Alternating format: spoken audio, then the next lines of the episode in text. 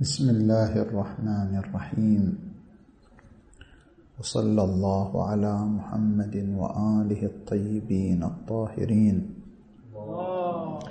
صلى على محمد وآل محمد. ما زال الكلام في إطار مبدأ السببيه وقد تم سابقا عرض كلام السيد الشهيد قدس سره مع بعض التأملات. وفي هذه الليلة نتعرض لما ذكره الفيلسوف راسيل وزكي نجيب محمود حول مبدأ السببية. والكلام فعلا في محورين. المحور الأول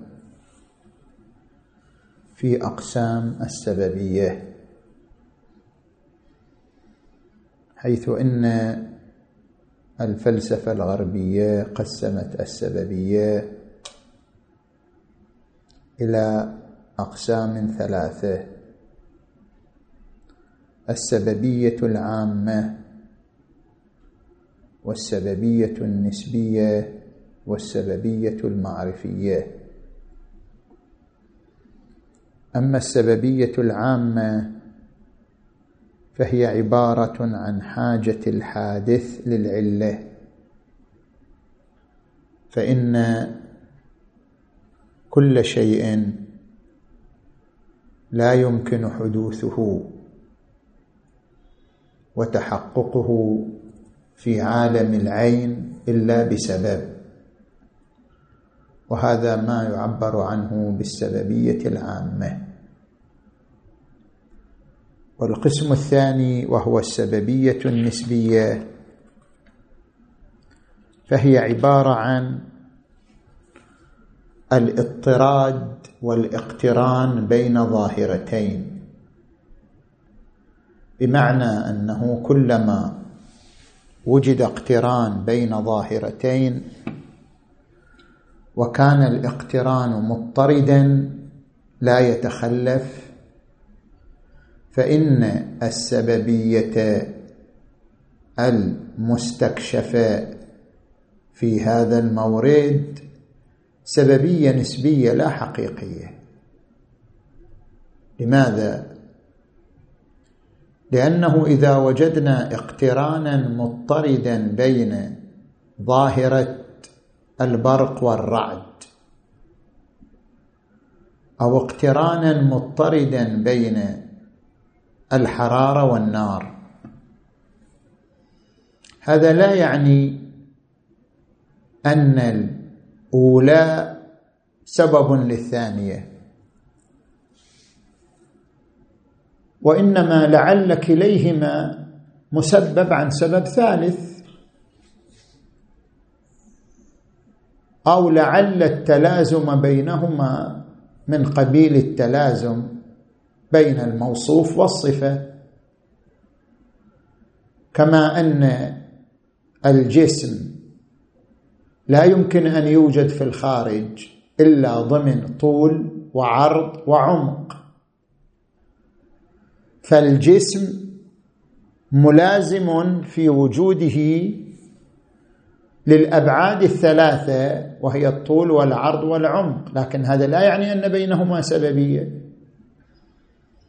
بل بين الجسم وبين الأبعاد الثلاثة علاقة الموصوف بالصفة. أي أن الجسم لا يمكن أن يتحقق من دون صفة الأبعاد لأن بينهما سببية. فمجرد ملاحظة الاقتران والاضطراد بين ظاهرتين لا يعني أن بين الظاهرتين توجد سببية حقيقية. وإنما هي سببية نسبية أي أن هاتين الظاهرتين بالنسبة لغيرهما من الظواهر توجد بينهما علاقة ولا توجد بين غيرهما. أي أن بين الرعد والبرق توجد علاقة ولذلك هما متلازمان. أما هذه العلاقة الموجودة بين الرعد والبرق ليست موجودة بين الرعد وبين ظاهرة أخرى. ليست موجودة بين البرق وظاهرة أخرى. لذلك نعبر عنها بالسببيه النسبية. يعني بالنسبة لهما يوجد تلازم لا بالنسبة لغيرهما. القسم الثالث هو السببية المعرفية. والمراد بالسببية المعرفية كما شرحناها سابقا ألا وهي استلزام المقدمة للنتيجة. فإن التلازم بين المقدمات والنتيجة يعبر عنه بالسببية المعرفية أن يقال مثلا كل مادة متغيرة وكل متغير حادث. اذا المادة حادثة. استلزام المقدمتين الصغرى والكبرى للنتيجة يعبر عنه شنو؟ بالسببية المعرفية. هذا هو المحور الأول. انتهينا منه. نجي إلى المحور الثاني. وهو الحديث حول السببية العامة. طبعا في الفلسفة التقليدية فلسفة ملا صدرة فلسفة أرسطو فلسفة ابن سينا أن السببية العامة من المبادئ الأولية من مدركات العقل البديهية. باعتبار أن السببية العامة هي عبارة عن استحالة الترجح بلا مرجح. حيث يقال حدوث الشيء انتقاله من العدم إلى الوجود. حدوث الشيء وهو انتقاله من العدم إلى الوجود مع تساوي طرفيه فهو ممكن الوجود وممكن العدم. حدوثه مع تساوي طرفيه إما لعامل من ذاته أو لعامل من العدم أو لعامل ثالث. ولا يتصور شق رابع. فإن كان العامل في انتقاله من العدم إلى الوجود من ذاته هذا خلف تساوي الطرفين ما إحنا قلنا هو متساوي الطرفين. فرضنا أنه من حيث العدم والوجود متساوي فبعد فرضه متساويا بالنسبة للوجود والعدم. لا يعقل أن يكون العامل الذي أخرجه من حيز العدم إلى الوجود هو ذاته والمفروض أن ذاته متساوية النسبة لطرفي الوجود والعدم. وإن كان العامل هو العدم العدم أصبح منشا لفراقه ووجوده وتحققه. فإن المفروض أن العدم لا يولد الوجود اللا شيء لا يولد الشيء فاقد الشيء لا يعطيه. إذا تعين أن العامل الذي نقله من العدم إلى الوجود شيء ثالث. وإلا لو وجد من دون شيء لكان ترجحا بلا مرجح وهو محال. هذا معنى السببية العامة التي هي عبارة عن استحالة الترجح بلا مرجح. ولكن في مقابل ذلك صرح الفيلسوف راسل كما نقل عنه عزم إسلام في كتابه مدخل إلى الميتافيزيقا بأن عد السببية العامة من المبادئ الأولية أمر غريب. كيف تعد من المبادئ الأولية السببية العامة؟ إذ لم ترد كلمة سبب في العلوم المتقدمه يعني العلوم الطبيعية القائمة على قانون التجربة لم ترد فيها كلمة سبب.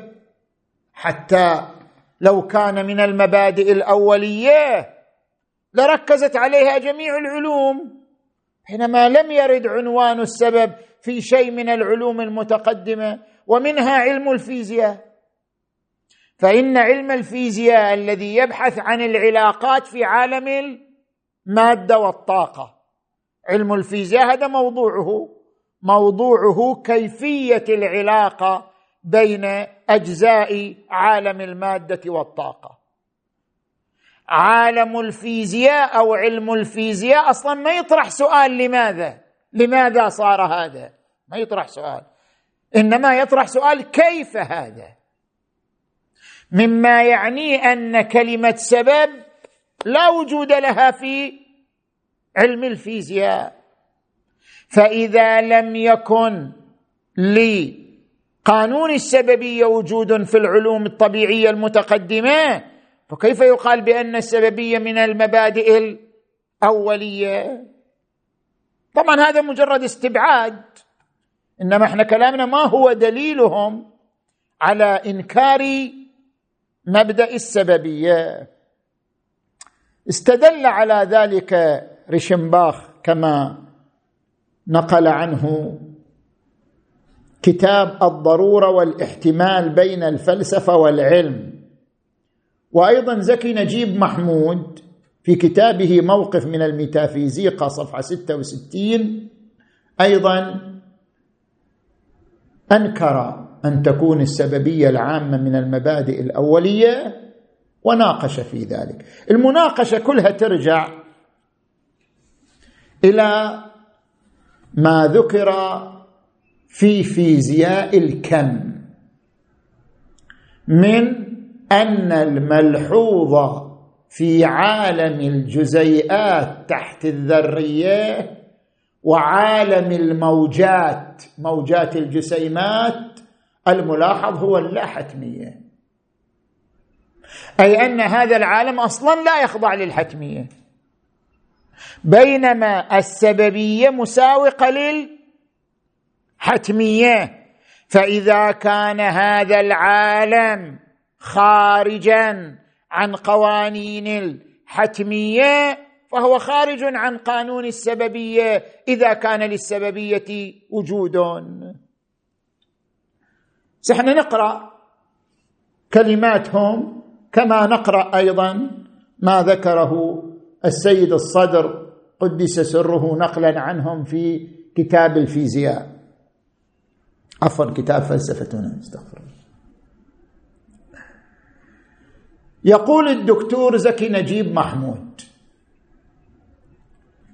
في كتابه موقف من الميتافيزيقا. إذا كانت الذرة الصغيرة بكهاربها السالبة والموجبة تتحرك داخليا بغير حتمية. فكيف نتصور حتمية في الكائنات وهي في النهاية تتكون من الذرات؟ هذا عالم المادة بعلاقاته بطاقاته. بالنهاية وين يرجع؟ إلى الوجود الذري. هذا الوجود الذري عندما نبحث عما هو المخبوء تحته يعني الجزيئات اللا ذريه أو الجسيمات تحت الذرية نجد أنها بكهاربها السالبة والموجبة لا يمكن التنبؤ بموضع حركتها ولا يمكن التنبؤ بكمية الحركة ولا يمكن التنبؤ بنتيجة الحركة. مهما كانت القياسات دقيقة مهما كان القياس دقيقا لا يمكن ضبط موقع الجسيم ولا يمكن ضبط مسار حركته ولا يمكن ضبط نتيجة هذه الحركة. فإذا كانت الجزيئات تحت الذرية خارجه عن إطار قانون شنو؟ الحتمية فالمكون كله القائم عليها المبتني عليها خارج أيضا عن قانون الحتمية. زين.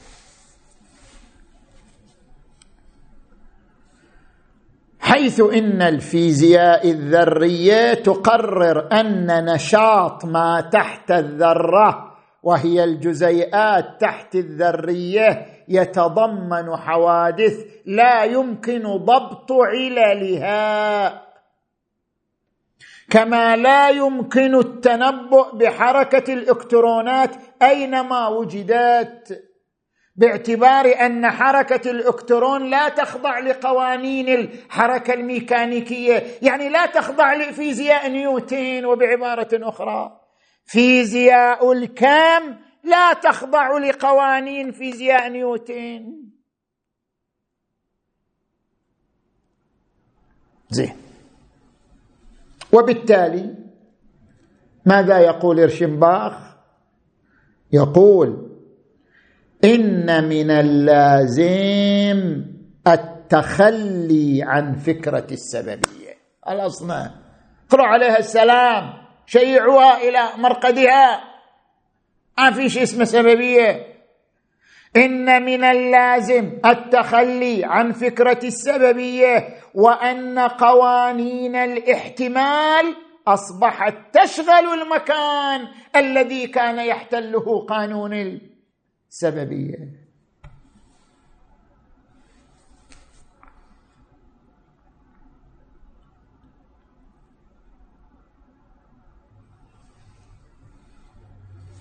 صار معلوم؟ نقرأ الآن كلام السيد الصادر في كتابه فلسفتنا هو أشار أيضا إلى هذا الاستدلال في فيزياء الكم. يقول في صفحة 287 وجد في الفيزياء الذرية اتجاه قائل أن الضبط الحتمي. يعني مبدأ العلية لأن مبدأ العلية هو يعني الحتميه أن الضبط الحتمي لا يصح في مستوى الميكروفيزياء. فقد يكون من الصحيح أن الأسباب ذاتها تولد النتائج ذاتها في مستوى الفيزياء المدرسية فيزياء نيوتن.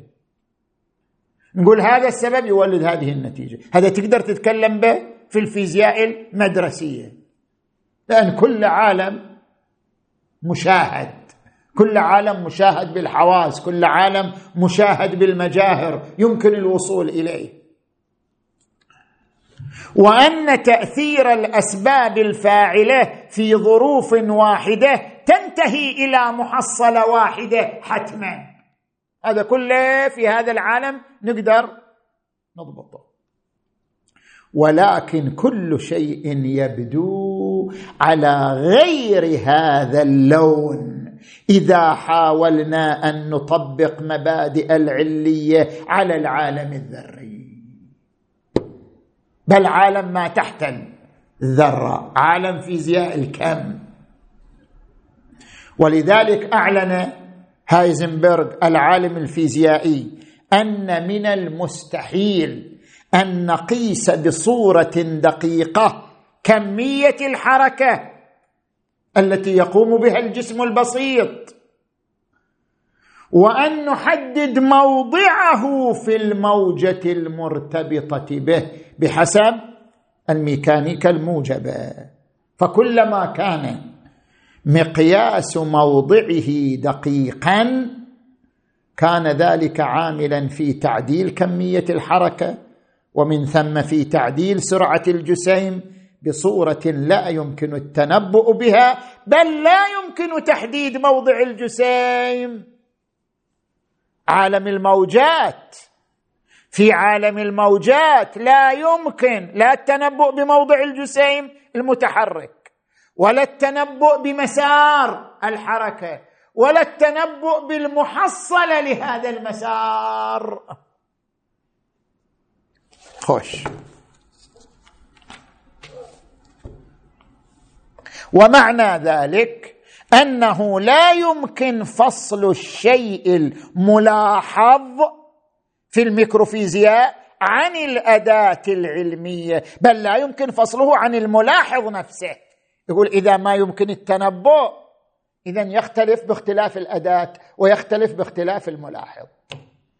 يمكن نخلي ثلاثة ملاحظين بثلاث أدوات كلاهما يركزان على موجة هذا الجسيم. كل منهما مع استخدامه المقياس الدقيق سيحدد لنا غير ما يحدده الآخر. إذ أن ملاحظين مختلفين يعملان بأداة واحدة في موضع واحد سوف يصلون إلى مقاييس مختلفة. ومن هنا نشأت فكرة اللا حتمية. لا حتمية فيما تحت الذري. لا حتمية في عالم فيزياء الكم. التي تتناقض بصفة مطلقة مع مبدأ العلية. مبدأ العلية يعني شنو؟ الحتمية. فإذا كان هذا العالم خارجا عن قانون الله قانون الحتمية اذا هو خارج عن قانون العلية. وجرت محاولات لاستبدال العلية الحتمية بما يسمى علاقات الارتياب أو قوانين الاحتمال التي نادى بها هايزنبرغ مصرا على أن العلوم الطبيعية والعلوم الإنسانية لا تستطيع أن تتنبأ حينما تنظر إلى العنصر البسيط. هذا هو استدلالهم على إنكار مبدأ السببية العامة. خوش. ويجاب عنه بوجهين الوجه الأول.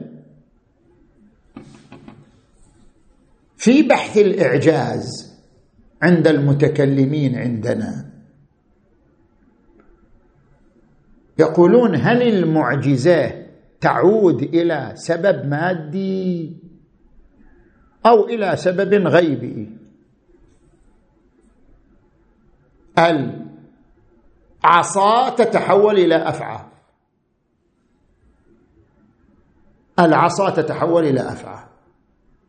فألقى عصاه فإذا هي حية تسعى. كيف؟ عصا تتحول إلى أفعى كيف؟ في علاقة مادية بين العصا والأفعى. أو أن المسألة مسألة غيبية محضة. هناك سيد الطباطبائي صاحب الميزان اعلى الله مقامه. قال مقتضى قاعدة السنخية. مو قاعدة السنخية قاعدة عقلية لا نستطيع خرمها. مقتضى قاعدة السنخية بين المسبب والسبب. مقتضى قاعدة السنخية شنو؟ أن المسبب المادي له سبب مادي لا محالة. بالنتيجة هذه الافعى واهم له حقيقة صارت أفعى. هو مو واهم. فإذا هي حية ما قال إنه توهموا إنها حية. حية صارت بعد شنو؟ يبرئ الأكمه والأبرص ويحيي الموتى. مو يحييهم يحييهم وهما. يحييهم حقيقة هذا الميت أصبح حيا حقيقة ولا كيف يصير إعجاز؟ طيب. تحول هذا الميت إلى حي. أو تحول هذه العصا إلى أفعى بما أن المسبب مادي. لابد أن يكون سببه ماديا بمقتضى قاعدة السنخية بين المسبب والسبب بين المعلول والعلم. لكن ذلك السبب المادي إنما هو على نحو الاقتضاء. لا على نحو العلية التامة. يعني يوجد في العصا خاصية واقتضاء فيه استعداد لأن يتحول إلى شنو؟ إلى أفعى. أو في هذا الميت يوجد اقتضاء يقتضي أن ينبعث الدم من قلبه إلى دماغه فيعود فيعود حيا. السبب المادي موجود أما على نحو الاقتضاء. لكي هذا السبب المادي يتحول من اقتضاء إلى إلى علية تامة وتأثير تام ينضم إليه عنصر غيبي. عنصر ملكوتي من عالم الملكوت. ينضم إليه فيؤثر السبب شنو؟ تأثيره. فالمعاجز لا تخرج عن الأسباب المادية. لكن ما يقدر كل واحد يجيبها. ليش؟ لأن السبب المادي فيها فقط على نحو الاقتضاء ويحتاج إلى شرط وعنصر من عالم الملكوت. وهذا لا يستطيع أن يوفره من لا يملك من لا يملك اتصالا بعالم الملكوت يعني من غير الأنبياء والأوصياء. فاذا بالنتيجة تحول العصا إلى أفعال سبب مادي. ولكن هذا السبب المادي يحتاج إلى ضميمة. ضميمة نفس هذا الاتصال الغيبي. اتصال قلب المعصوم بعالم الملكوت. هذا الاتصال نفسه هذا هو العنصر الغيبي. هذا الاتصال نفسه أسهم في تمامية السبب وتوليد المسبب.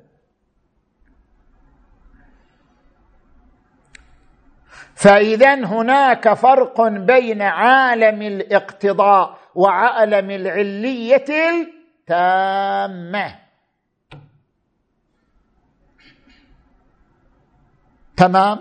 نجيب مثال آخر. مثال آخر. عالم البداء بحث البداء. ما يقولون بداء؟ من من معتقدات الإمامية البداء يمحو الله ما يشاء ويثبت وعنده. أم الكتاب.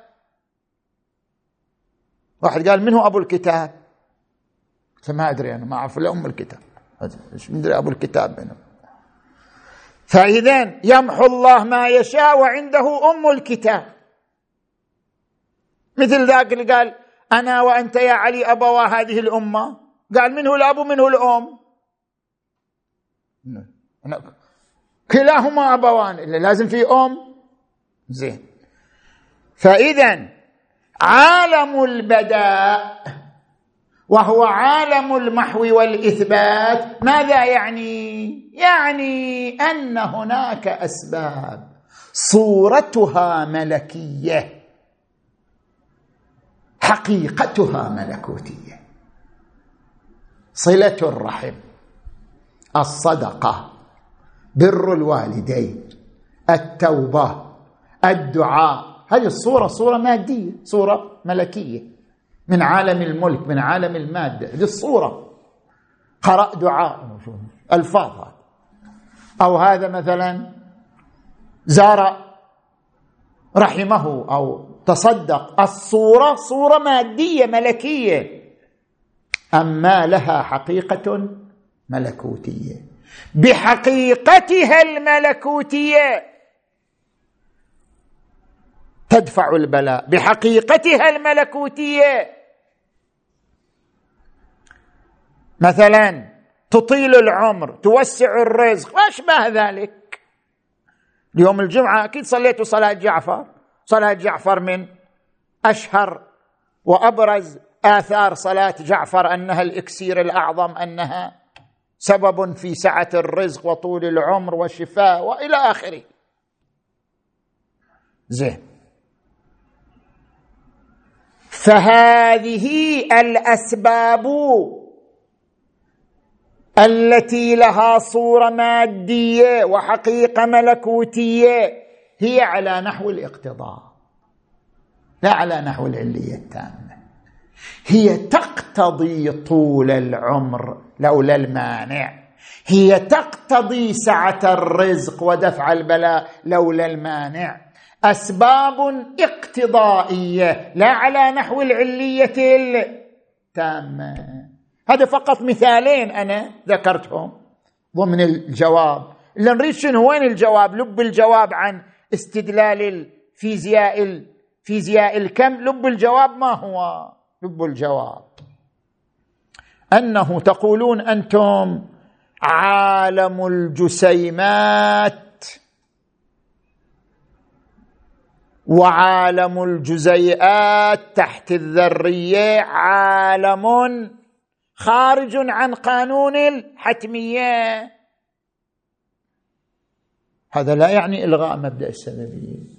هذا غاية ما يعني أنه لا توجد علية تامه لا يعني أنه لا يوجد سببية. شنو؟ اقتضائية. ما ينفي.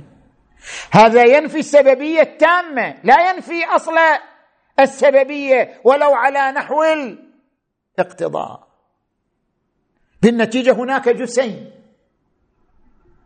وهذا الجسيم فيه اقتضاء الحركة. وفي مسار معين.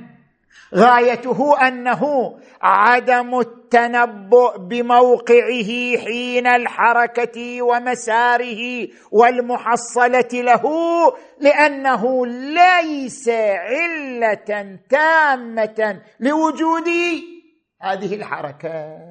عدم التنبؤ يرجع إلى عدم العلية التامة لا يرجع إلى عدم السببية من أصلها. ولذلك ذكرنا في تلخيص الجواب إن المقام نظير ما ذكر في بحث الإعجاز من الفرق بين الاقتضاء والعلية التامة بمعنى أن العنصر المتحرك في عالم الجسيمات والموجات مقتض لا علة تامة. نظير ما ذكره المتكلمون من تأثير العلل الغيبية وارتباطها بعالم المحو والإثبات اللي هو عالم البداء. خوش. هني دكتور عمرو شريف المصري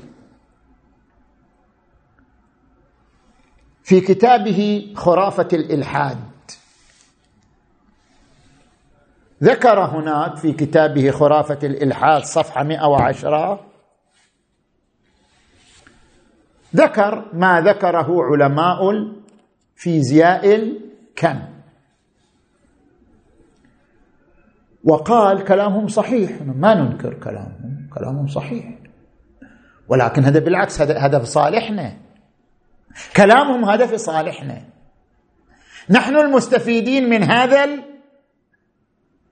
القانون الفيزيائي اللا حتميه في عالم ما تحت الذرة. نحن المستفيدون منه. ليش؟ هذا دليل على نفوذ القدرة الإلهية في كل ذرات الكون. وأنه لا يقصره سبب ولا يقف أمامه نظام. هذا بصالحنا هذا؟ قدرة الله منبثة في كل الكون من أعظم ذرة إلى من أعظم مجرة إلى أصغر ذرة. بل فيما تحت الوجود الذري. ومعنى نفوذ قدرته تبارك وتعالى أنه مهما وجد السبب للمسبب فإنه يمكن أن يتخلف المسبب عن السبب لنفوذ قدرته تعالى. فعدم التنبؤ بموقع المتحرك ومسار الحركة ونتيجة الحركة كل ذلك دليل على شنو؟ نفوذ القدرة الإلهية التي أعاقت حتى علقه السبب بمسببه. يقول في كتابه بل خرافة الإلحاد إذا سقط مئة فوتون على مرآة فإن حوالي خمسة وتسعين منها ترتد وتنعكس باتجاه أعيننا. لنرى الصورة. وتنفذ خمسة بالمئة خلال المرآة. لكن إذا سقط فوتون واحد على المرآة فلن نستطيع أن نجزم هل ينعكس هذا الفوتون ويرتد؟ على البصر أم أنه ينفذ وقد يقال أن هناك احتمال خمسة وتسعين بالمئة أن يرتد واحتمال خمسة بالمئة أن ينفذ هذا معناه قانون الاحتمال ولا حتمية. ثم قال ومعنى ذلك أننا إذا درسنا سلوك الجسيمات والموجات بناء على الاحتمالات وهو ما يعرف بمبدأ اللا حتميه للفيزيائي هايزنبرغ في مقابل الحتمية التي تتعامل بها الفيزياء الكلاسيكية في ضوء اللا حتميه لن يكون للجسيم عند نون ونون زائد ألف قيمة محددة. لا من حيث موقعه لا من حيث مساره لا من حيث نتيجة مساره. بل يكون هناك احتمالية مختلفة لصفات كل جسيم. والنتيجة أن هذا لا يبطل مبدأ السببية بل يعكس أن هناك سببا قاهرا على كل سبب أعاق التنبؤ والقول بالحتمية وهو القدرة الإلهية. سبب دخل. وقلنا يا نار كوني بردا وسلام يعني تدخل سبب أقوى. النار سبب لإفاضة الحرارة واشتعال الجسم المتصل بها. ما لم يتدخل سبب أقوى يعيق تأثير النار في إفاضة الحرارة. فقلنا يا نار كوني بردا وسلاما على إبراهيم. فليكن عالم ما تحت الذري من هذا القبيل. احتمال قائم. خش الوجه الثاني. الوجه الثاني هو اللي ذكره السيد الصادق. في فلسفتنا وذكره أيضا غيره من الذين ناقشوا هذا الاستدلال. إن قصور المنهج التجريبي عن التنبؤ أو التحكم بمسار المعلول في نشاطه الذري لا يبطل مبدأ السببية عقلا بعد حكم العقل به بالبداهة. شنو معنى هذا الكلام؟ أقرأ عبارة السيد الجيد قدس سره. قال في صفحة بلي مئتين وثمانية وثمانين. ومفصل الحديث أن مبدأ العلية لو كان مبدأ علميا تجريبيا في حقل الفيزياء لكان رهين التجربة. فإذا لم نظفر له بتطبيقات واضحة في الفيزياء الذرية لم نستطع أن نستكشف أن له نظاما حتميا.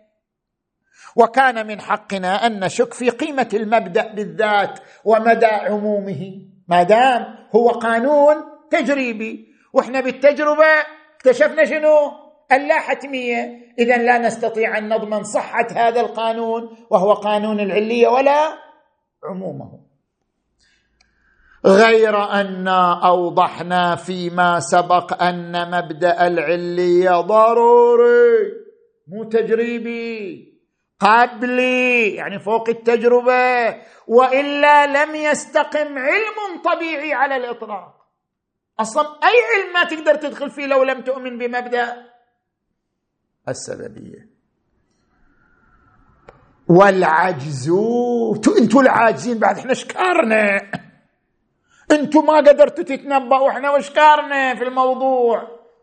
وش دخلنا في الموضوع إحنا؟ والعجز عن استكشاف النظام الحتمي بالأساليب العلمية. فإن كل ما جمعه العلماء من ملاحظات على ضوء تجاربهم الميكروفيزيائية لا يعني أن الدليل العلمي قد برهن على خطأ مبدا العليه وقوانينها. ومن الواضح أن عدم توفر الإمكانات العلمية لا يمس مبدأ العلية. من قليل أو كثير ما دام مبدأ العلية ضروريا فوق تجربة. بعد حكم العاقل باستحالة الحدوث من دون علة لامتناع الترجح بلا مرجح. أنتم ما اكتشفتوا العلة. قابل الطم أطلع موكب أنتم ما اكتشفتوا العلة. لم تكتشفوا النظام الحتمي. خير يا طير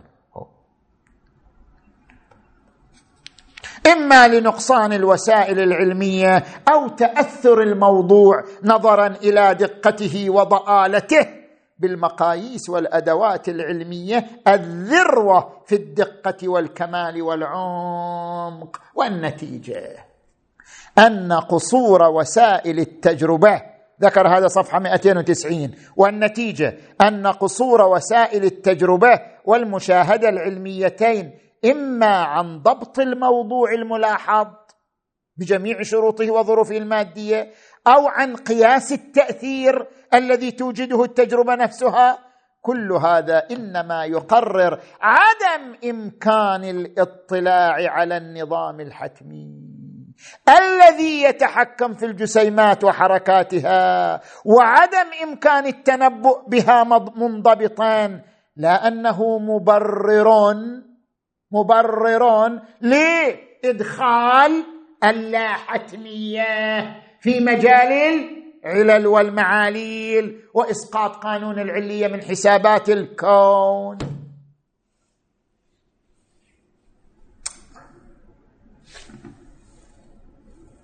شنو هذا كلمه كلمة شنو؟ آه. اللاص تمام شو؟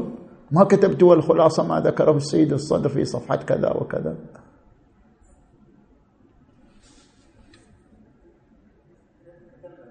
ها؟ ما كتبت أنا ما ذكره السيد الصيد ما ما كتب؟ آه. كأنه كتبت أنا. إيه؟ إيه؟ ما ما كتبته. إيه. إيه. والحمد لله رب العالمين.